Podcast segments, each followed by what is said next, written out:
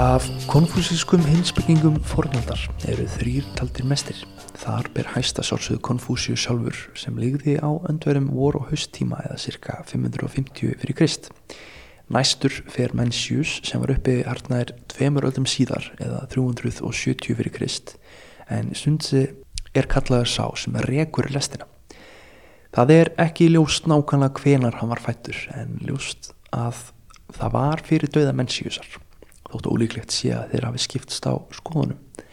Nýje er ljóst hversu gamal sundsi varð en hugsanlega náði hann svo háam aldri að hann hafði séð með eigin öfum saminningu Kína undir fyrsta keisara sinn veldisins.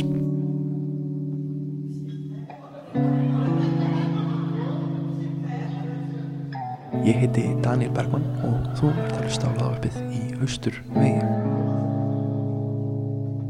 Nafnið Sunzi er líkt á Kongzi þar segja Confucius, Lao Tzu, Zhuang Tzu og mörg fleiri. Ættanab með viðskiptinu Tzu sem þýðir meistari eða eitthvað á þann veg. Sun Tzu hafði eigi nafnið Kuang og er því einnig réttilega kallaður Sun Kuang. Hann fekk ekki alveg náð fyrir augum konfúsista handtímans sem mótuði heimsbyggiskólan í ríkishugmyndafræði og voru augljóslega hrifnari af mennsjúsi og kannski hafði hann fyrst og fremst á stöðu að vera ákveðið ansvar við hennum kanoníska mennsjúsi. Því komistu ekki hjá því að ræða heimsbyggi með nokkuð, með nokkuð tíðum skýrskotum í Konfúsius og Mencius. Eins og með flesta heimsbygginga hins fórt Kína er fremur lítið vitað um æfi hans, líf og störf og því er oft eins og við séum meira að fjallum bókina sem ber hans fremur en persónuna sem þróaði hugmyndir hans. En talandi um heimsbyggingana og rít þeirra, þá er bókin Sunzi verulega ólík verkunum sem byrta okkur fyrirkennar hans Confucius og Mencius.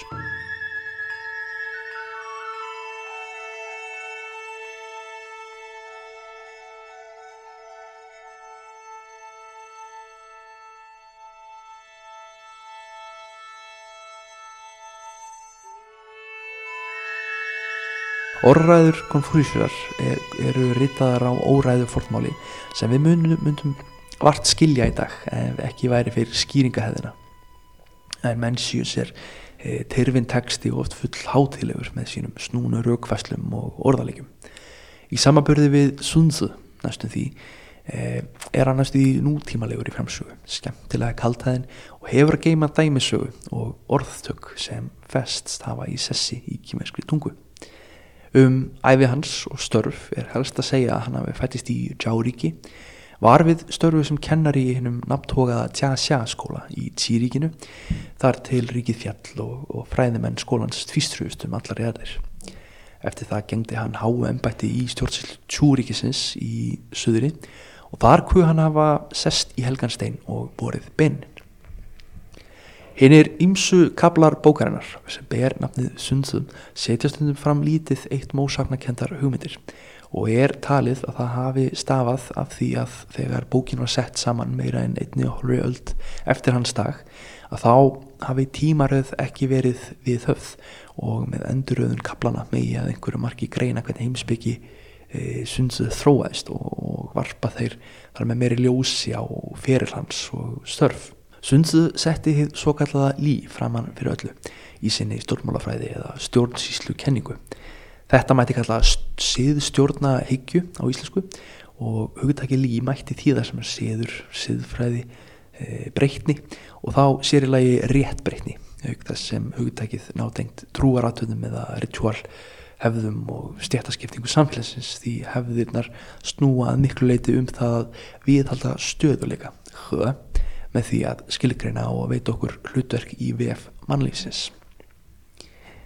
Confucius búðaði þar sem kalla mætti digðahyggju og að treysta hans vera á gott eðli mannsins og hins var á þá samfélagsgerð sem var bundin í sið þann sem hefð sem svo kallaði sjangren eða góðsagnakendir vitringar eða sjenvang sem eru svona digðugir konungar sem þeir hafðu sett upp í fornesku. Confucius gerði sér þó alveg grein fyrir að í stjórnsíslu væri óraunsætt að byggja aðeins á trösti á mannlegri digð og því lagði hann mikla áherslu á siði og hefðir til að styrkja digðirnar í sessi. Og því má segja að munurinn á Konfúsiusi og Sunzu liggi fremur í hvort liti meira áherslu digðin eða siðurinn. En áfram um siðin eins og Sunzu setti hann fram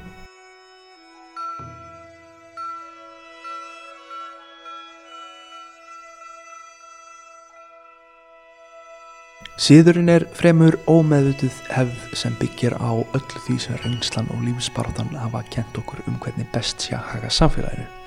Með öðrum orðum er síðurinn sjálf menningin eða kannski öllur heldur kjarni hennar og sá máttar stólpi sem hún stendur og fellur með og í raun kristallast í samvinnu, eh, hlutverkaskiptingu og, og trúaratumum í samfélaginu.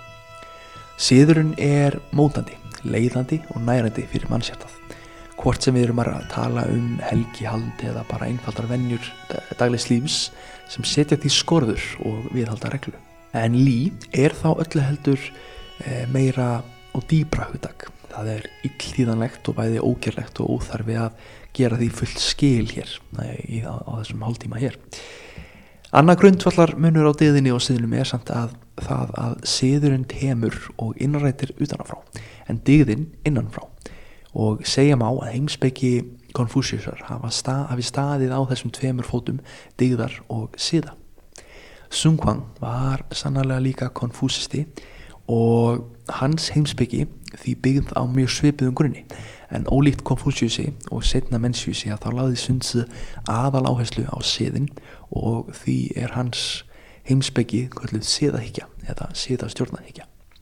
Sennilega er að þessi áherslubreiting innan sama heimsbyggskóla hafi komið til sögum þess að átök, uh, átök þau og ófriður sem enkendi þessa óöld sem kvölduð er öld hérna stríðandi ríkja og sannlega var hafinn á dögum konfúsísar var á dögum Sundze orðin enn miskunarlausari og blóðugri. Fyrir Sundze var það sennilega bæði erfiðara og, og uh, bæði erfiðara að réttlæta það og árangurslítið að höfða til diðarinnar. Það var þörf fyrir átreifanlegri hugmyndafræði með sterkari kvata sem Sundzu fann í siðnum en siðurinn var fyrir Sundzu afl sem kvati til digðar. Einnig er hér ekki úrvegi að velta fyrir sér munin á, á siðnum og siðstjórnahyggju og lögum og stjórnlagahyggju. Við lögbrotum er einat viðhafðar einmis konar strángar refsingar, oft líkanlegar og jafnvel aftökur en við siðurofi er frekar um gaggrinni og hundsun og í vestafalli útskómun. Um, Konfúsius og Konfúsianistar höfðu almennt andúð á lögheikju og gaggrindi stjórnlagaheikju sem mest. Þeim fannst of mikil þingun og refsingar ekki vera líklega til að íta undir digðir eða leiða leiði til að íta undir góðleika og hvetja heið góða í mannshjartanu til að vaksa og bera ávust. Sunzu sem konfúsisti var líka anstæður slíkri löghyggju en stóð samt mun nær henni en fyrir hennar hans.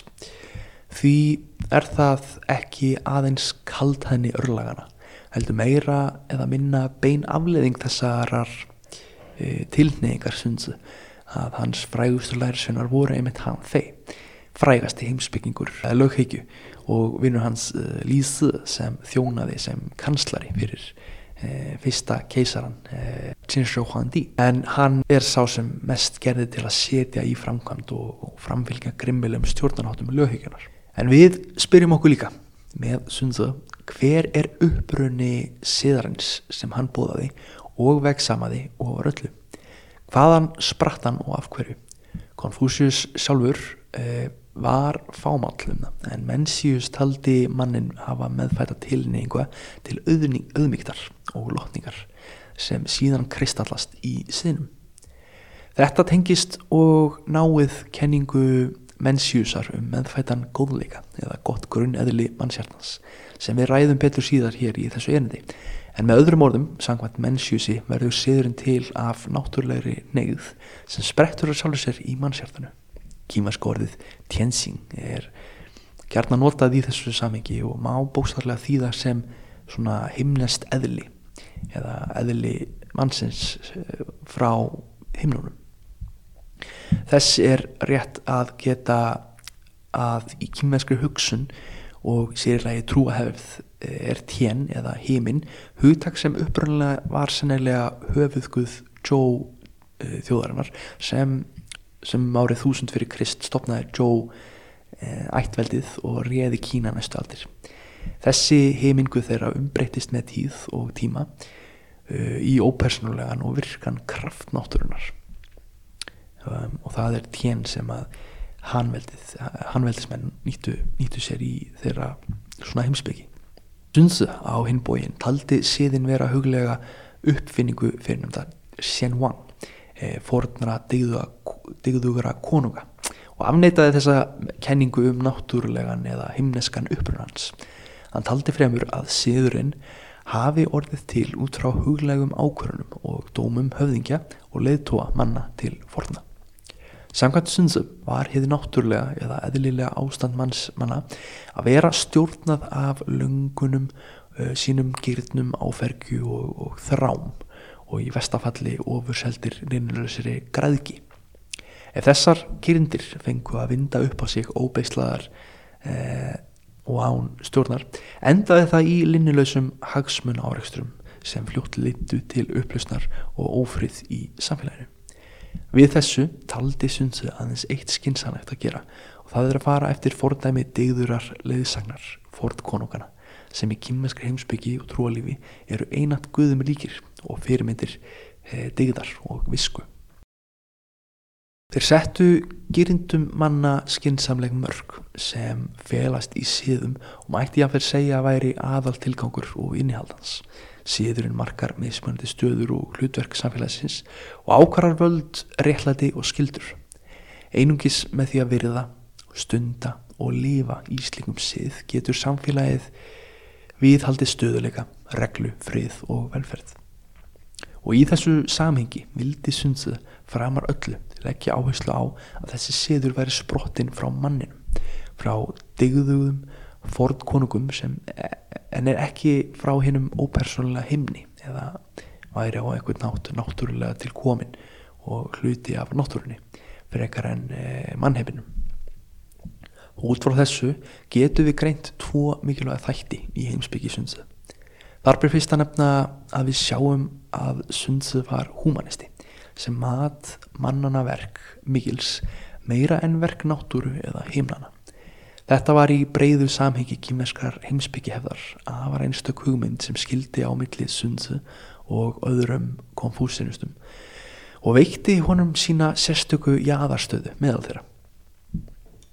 Þessi hugmynd um yfirbörði mannsandans og mannana verka er og grundvöllurinn að mörgu heimsbyggi sundsu og við munum koma ítrekkað aftur á þessari hugmynd.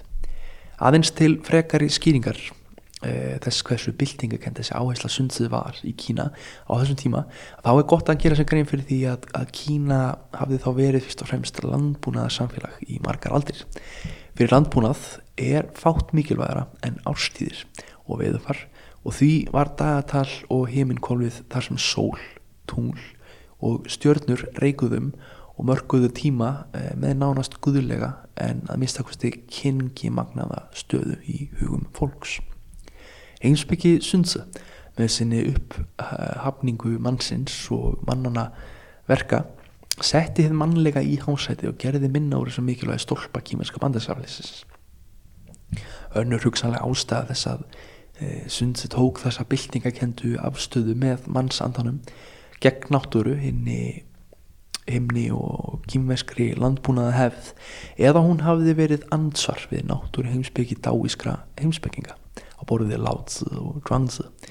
Þeir bóðuðu afturkvarf til náttúrunar og þótti, þótti lítið til mannana verka að koma og óstöðandi í að sína fram á hvernig þau valdi e, þjáningum og vandraði. Þeir voru oft mjög gaggrínir og hefðinir á konfúsista og þeirra hugmyndafræði.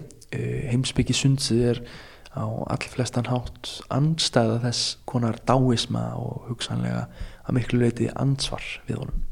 Setna atrið sem við getum skilgreint út frá sín sundsu á eðli heimins og manna er það fyrsta að síðin og uppruna hans beri að reykja til manna og ekki bara einhverja manna heldur hérna góðsagna kendu forn konunga. Þá gaf hann leiðtóum og stjórnendum sérstaklega mikið vægi. Í síðastjórnahyggju er konungur eða leiðtói ríkisins eða samfélagsins hvað títil sem hann kann að bera, þungamiðan og máttar stólpi. Mencius hafði cirka hundrað árum áður bóðað uh, mjög ólíka ástöðu til konunga og höfðingja í heimsbyggja hans er leiðtógin nefnist kyrfilega í öðru sæti og tegnar hans í því fyrsta. Leiðtónum ber að stjórna fyrir fólkið, vera þjótt almúans og öll hans forréttindi og veg semt aðeins þess að gera honum þetta hlutverk uh, auðveldara.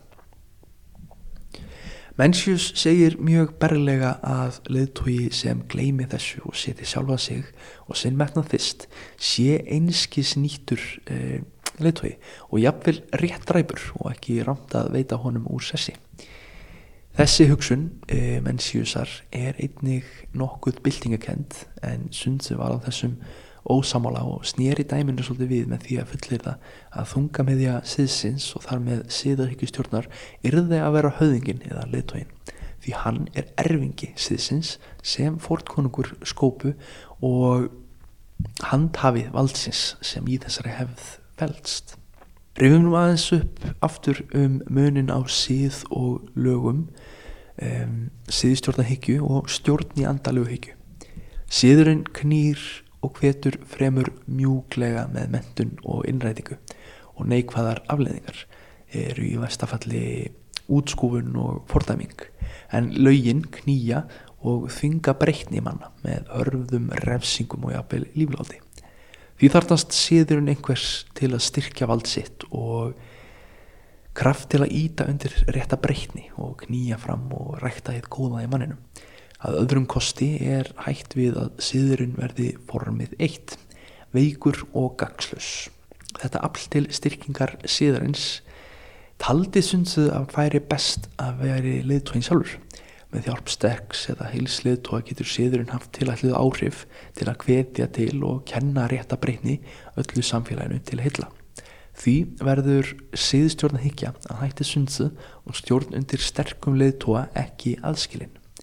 Henni vituru og degðu fortkonungar eru ekki einungis upphafsmenn siðarins heldur og sá kraftur sem við heldur siðnum sem skilverkur tæki réttlátar stjórnsýslu. Um, en á hvern hátt geta lungu grafnir konungar í fornesku viðhalda þessum kröftum uh, þessum krafti mörgum öldum eftir sinn dag? Þessir fornu konungar áttu það samveilagt að vera taldi verið svo kallar sjangrenn sem mætti þýðar sem e, vitringar á íslensku eða verallegir leiðtóar en jáfnvel miklir spekingar e, nánast heila í menn. Því er það að Sundse hugsaði sér að samtími hans gæti líka borð af sér setni tíma sjangræn og nógu digðuga leiðtóa til að viðhalda krafti síðanins fyrir aðra konfúsista var þetta fordæmalegst hugmynd þegar Mencius uh, rætti um Ford konunga átti hann við guðum líkar góðsagna verur eins og já og sun sem áttu að hafa verið uppi um, mörgum árhundruðum fyrir og lagt grunninn að síð þeim sem framar öðru skilgreyndi kímerska menningu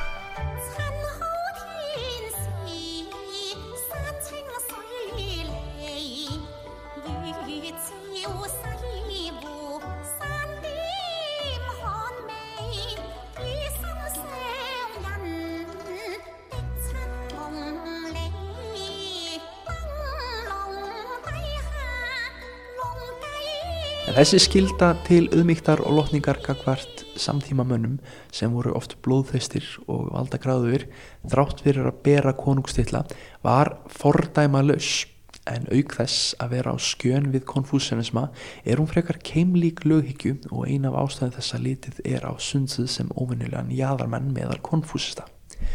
Þótt sundsið væri sannlega humanisti og hefði mannin yfir náttúruna þá gat heimsbyggja hans líka af sér fræga kenningu um að manns eðlið sé í grunninn illt. Það er að maðurinn sé í grunninn óeinlega ágjarn og að óbeislaðar leiðir gerindir hans og óhjákvamni til áreikstra við gerindir og áfann annara og útkoma geti alveg aðeins verið upplaust samfélags, fríðar og velferðar. Að mannshjartað hallist ávalt til ílsku nema siðnir og hefðirnar fái og ná að gripa inn í með mentun og innrætingu. Það er að segja hinn tíðrætti síður sem hinn er góðu konungar, fornesku, skópu, einmitt til að hemja grindir og leiða til hinnar góða. Mencius er á hinn bógin þekktur fyrir kenningu sína og að eðli mannsins sé gott. Náttúrulega gjöf hins háa híminn sem, eh, sem megin ströymur kýmverska heimsbyggi telur manninum æðri. Eh, Mencius taldi að menn sem hefði þessa náttúrulega tilneyingu til að bæta sig og leita hins góða gegnum mentunum. Það má segja að hér gerir Mencius sannlega þá skissu að, að gera ekki skýran greinamun á eðli og vilja eða ásetningi auðvitað er ekki auð ratað um þessi hugtök um, hvar eitt endar og hvar annað hefst og svo framvegis en, en þar sem eðli er manninum veikt frá himnum eða náttúrunni þá ætti ekki að gerast þess þörf að meðvituð ákveða læra. Meðvituð ákveðunum að ástundar nám og þjálfun í síðum sem kremst átaks er slík ákveðunum sannlega mannana verk. Og ef eðli mannsins væri gott væri nokkur þörf á mentun, innrætingu eða þjálfun. Þörfum fyrir slíka hluti er beinilíns vegna þess að eðli okkar er ílt. Ennfremur hjælt Mencius því fram að gott eðli mannsins gæti glatað náðinni vegna áhrifa frá umhverfistáttum og það skýrði tilvist óvandaðara manna og yllara hjarta. En þarna fannst sundið að Mencius væri enn á villigutum. Því spyr hann, hvernig getur náttúrulegt eðli glatast fyrir tilstilli utankomandi umhverfistáta? Augu og eiru gegna alltaf sama hlutverki sama hvert umhverfið er. Ef svo verðist sem umhverfi eða utan að komandi áhrif sé að snúa sakleysi í ílt er þó ekki eðlilegra að hugsa sem svo að undirlegjandi ílt eðli sé einfallega að koma upp á yfirborðið.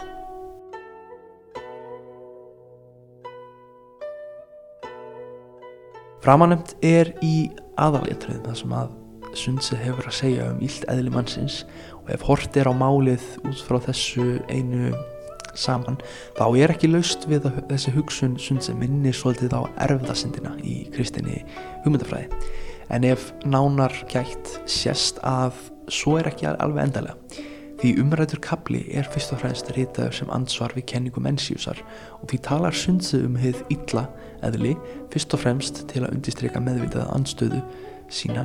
En ef nánar er að gáð og aðrir kaplar sundsið skoður þá má sjá að svo er ekki endilega. Í kaplanum þar sem Sundse útskýrir hugmyndi sínar um siðin og viðar má betur átt að sjá hvað Sundse hugsaði og um mannlegt eðli. Samkvæmt kaplanum um siðin líkir hann náttúrulega eðli mannsins í sjálfu sér við ráefni sem ekki er búið að vinna með og mentun eða innrætingu við það að vinna ráefnið og skapa eitthvað nýtt. Til dæmis fagra list eða gaglegt eh, verkfæri. Ef ekki væri unnið með ráefnið er þið úr neitt nýtt, korki fagur negaglegt og ef ekki væri ráefnið e, þar að segja eðli til að byrja með væri ekkit til að skapa eða móta. Það þarf bæðir ráefni og skapandi vinnu til að skapa listaverk eða verkveri. Á sama hátt þarf bæði grunn eðli og innrætningu til að þorskast og auka visku. En samkvæmt þessari hugsun er grunn eðli mannsins ekki ílt heldur hlutlust og nöðsynlegt hráefni ef ala áhið góða í manninu. Að sjálfsögðu er líka gert ráð fyrir að slæm innræting hafi öfug áhrif en kjarni málsins er að samkvæmt þessum kabla sundsu er vart hægt að tólka orð hans á annan hátt en að manns eðlið sé hlutlust en gæti hallast til góðs jamt sem íls eftir hvernig reynsla og innræting manni e, hlotnast. Í öðrum kabla gaggrinir sundsu kenningar dáista aðalega látsu fyrir hugmyndina um að góð stjórnsísla felist í að eigða eða minga ágjörnd og græðki. Ansvar sundsu er að bælinggirinda sem sé hluti af grunni eðlimannsins sé ekki aðeins óframkvæmalegt heldur líklega að það hafi þver öfug áhrif og endi með að girndin eh, verði enn óbeislaðri og eðilegandi. Sundsu vil meina að meiri eða minna ágjönd sé hluti af einstaklingseðli og hafi lítið með stjórn eða óstjórn samfélagsins að gera. Stjórnsvísla ætti ekki að félast í að bæla eða eða kyrndum heldur að aðlega þær síðunum og hafa stjórnaðum. Þetta gefur líka fremur ástæður til að tólka sundsi svo að grunn eðlið og kyrndittar séu hlutlöfst fyrirbæri, hvorki ill nýja góð og séu öðru fremur grunn eðli eða náttúrunar og grundvöldur möguleika mannsins til að vera afl til góðs eða íls. Ef við lifum okkar að tólka sundsi á þennan hátt, þá er hann í raun að bóða hlutleysi grunn eðlis mannsins. En hitt er alveg víst að hann aðhyllist alls ekki þá kenningu að eðli mannsins sé í grunin gott. En hér skýtur nýtt vandamál upp kollinum svo er að ef við ræðum þetta vandamál um grunn eðli mannsins út frá sjónahóli mennsjúsar sem sundsegjurum gerir þá eru við að játa ákveðna heimsmyndafræði. Þar að segja heiminin sem persónugjeringu náttúrunar búi einnig í hjarta mannsins og veit honum sitt grunn eðli en þetta er nokkur skonar algiðistrú Þar sem Sundzu afneitar því að svo náttúra sé góð og lítur á hana sem hlutlösa er hann enn að fara gegn eh, meginströmmum kýmiskar höfsklunar fram á hans tíma og reyndar þorran af setni tíma heimsbyggi líka. Í kýmiskar heimsbyggi er hugtakið tjen eða heiminn uppröndilega sennilega höfuð Guð Tjóþjóðarinnar sem tók við völdin upp af eh, fyrsta árþúsund fyrir Krist en breytist smá saman í fremur svona ópersonulegt afl aðalega notað um gerandi og, og dýnamíska hluta sköpurinnar anspænis jörðinni e, sem móttakilega og frjósama hluta náttúrunar en hver er þá sín sundið á heiminum svo verist sem fyrir hann hafi tjen eða heiminn verið einungis þessa persónugerfing náttúraflana skýrt afmörkuðum frá mannana verkum og meðvindund. Þó má sjá í ritinu vísanir í hérna hefðbunnu kýmversku hugmynd um heiminn. Hann segir til dæmis ítrekkað að heiminin skapi eða geti af sér öll fyrirbæri heims en fer þó ekki lengra með það. Það sem endar, eh, þar með endar hlutverk heimils í heimsbyggi sundsu ólíkt því sem sérst hjá öðrum hugsuðum Kína til vorðar ber ekkert á því að sundse líti á heiminin sem afl sem skipti sér af örlögu manna eða skipi reglu. Þau verk eru algjörlega á vegu manna og menn eru sinnar eigin kæfu smiðir. Hann segir til dæmis í kaplanum um siðin Heiminin gæt allar lifandi verur en skipar þeim ekki. Jörðin ber mannkinnið en stjórnar því ekki. Hann skrifaði líka Híminin og jörð eru upprunni lífsins og síðurinn er grundvöldur stjórnunar. Því er það svo að þótt híminin og jörð geti af sér hefðamannin þá er það hefðamadurinn sem kemur reklu á hímin og jörð. Önnur tilvöndun segir svo Síðurinn stendur á þremur fótum. Híminin og jörð eru upprunni lífsins. Forfeðnur eru upprunni aðgreininga og tegunda og leiðtúar og kennarar eru grunnur stjórnar og reglu. Ef ekki fyrir heiminn og jörð, hvernig gætu verið líf? Ef ekki væru forfeðunir, hvernig kemur flokkar hluta fram á sjónasviðið? Ef ekki væri fyrir leiðtúa og kennara, hvernig mætti við halda reglu? Ef einna þessum þremur fótum mandagi væri ekkert öryggi fyrir menn því þjónar, siðurinn, heiminn og jörð virðir forfeðuruna og upphefur leiðtúa og kennara. Á þessu má sjá að Sundsö leit svo á að skýr verkaskipting heimisins eða náttúrunar ansvegar og mannanaverk hinsvegar sé til staðar. Heiminin eða náttúrun getur af sér líf og þar með talið mann líf að sjálfsögðu. En það er maðurinn sem setur reglu á heiminn og allar skapaðar verur. Hér verist sem Sundsö eiga bæði við að maðurinn neyjist til og hafi getur til að bæði temja náttúruna og nýta sér hana en einnig að skilja, flokka og greina fyrirbæri heimsins. Þarna er sundsi einn að snúa við hefðpundinni kýmveskri hugmyndina um samband heimins og manna því þótt hann gefið þeim jafn mikla virðingu og vægi þá er ljóst að hann leggur meiri áherslu á mikilvægi mannana verka. Samkvæmt megin ström kýmverska heimsbyggi til forna er hefð, hefðpundinni sín á samband heimins og manna fyrir nefnd fjöðgiris heimstrú heimsmynd þar er um, heiminin talin búa í öllum lifandi verum, sérilagi í mannshjartanu og að heiminn og mannkinn sér en bundin í stöðugu sambandi og hér er átt við svo kallað uh, tjenrein höi hugmyndin en það mætti kalla hugmyndina um saminningu manns og náttúru.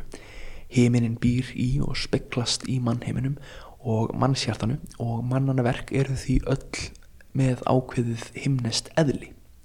En sundið fer enn og aftur á skjönu við hefðina með því að krefjast skirra marka hvað þetta varðar. Öfugt við hefðina sem enn leit á tjen eða heiminin sem nokkur konar goðmagn sem íhlutaðist í örlegum hanna vildi sundsu líta svo á að heiminin eða náttúran væri aðeins upprunni lífsins og hefði hvorki vitund nýja vilja eða ásetning og sannanlega engin áform hvað mannkinn varða, varða, varðaði. Hann tilengar sér fremur þá hugmynd að hinn heiminn sé ópersonlegt frum afl fremur en líta á það sem goðmann.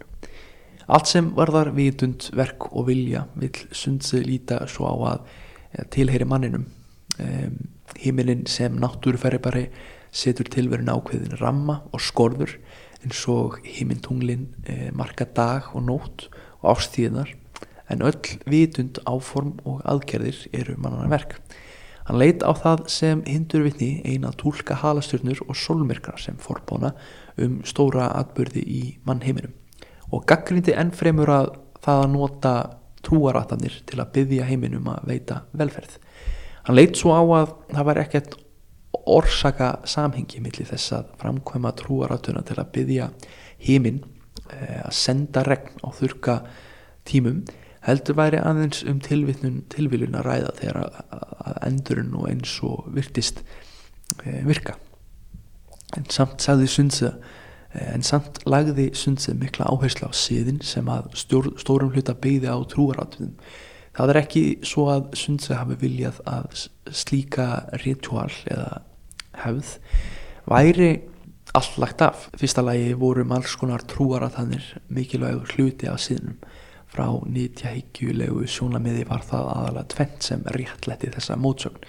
Í fyrsta lagi var að um, trúar aðtöndin sem slíkt hafiði ákveðið pedagógisk gildi í að styrkja reglu og hlutverk samfélagsins og í öðru að vera almúanum huggun og von í lífsbarátunni.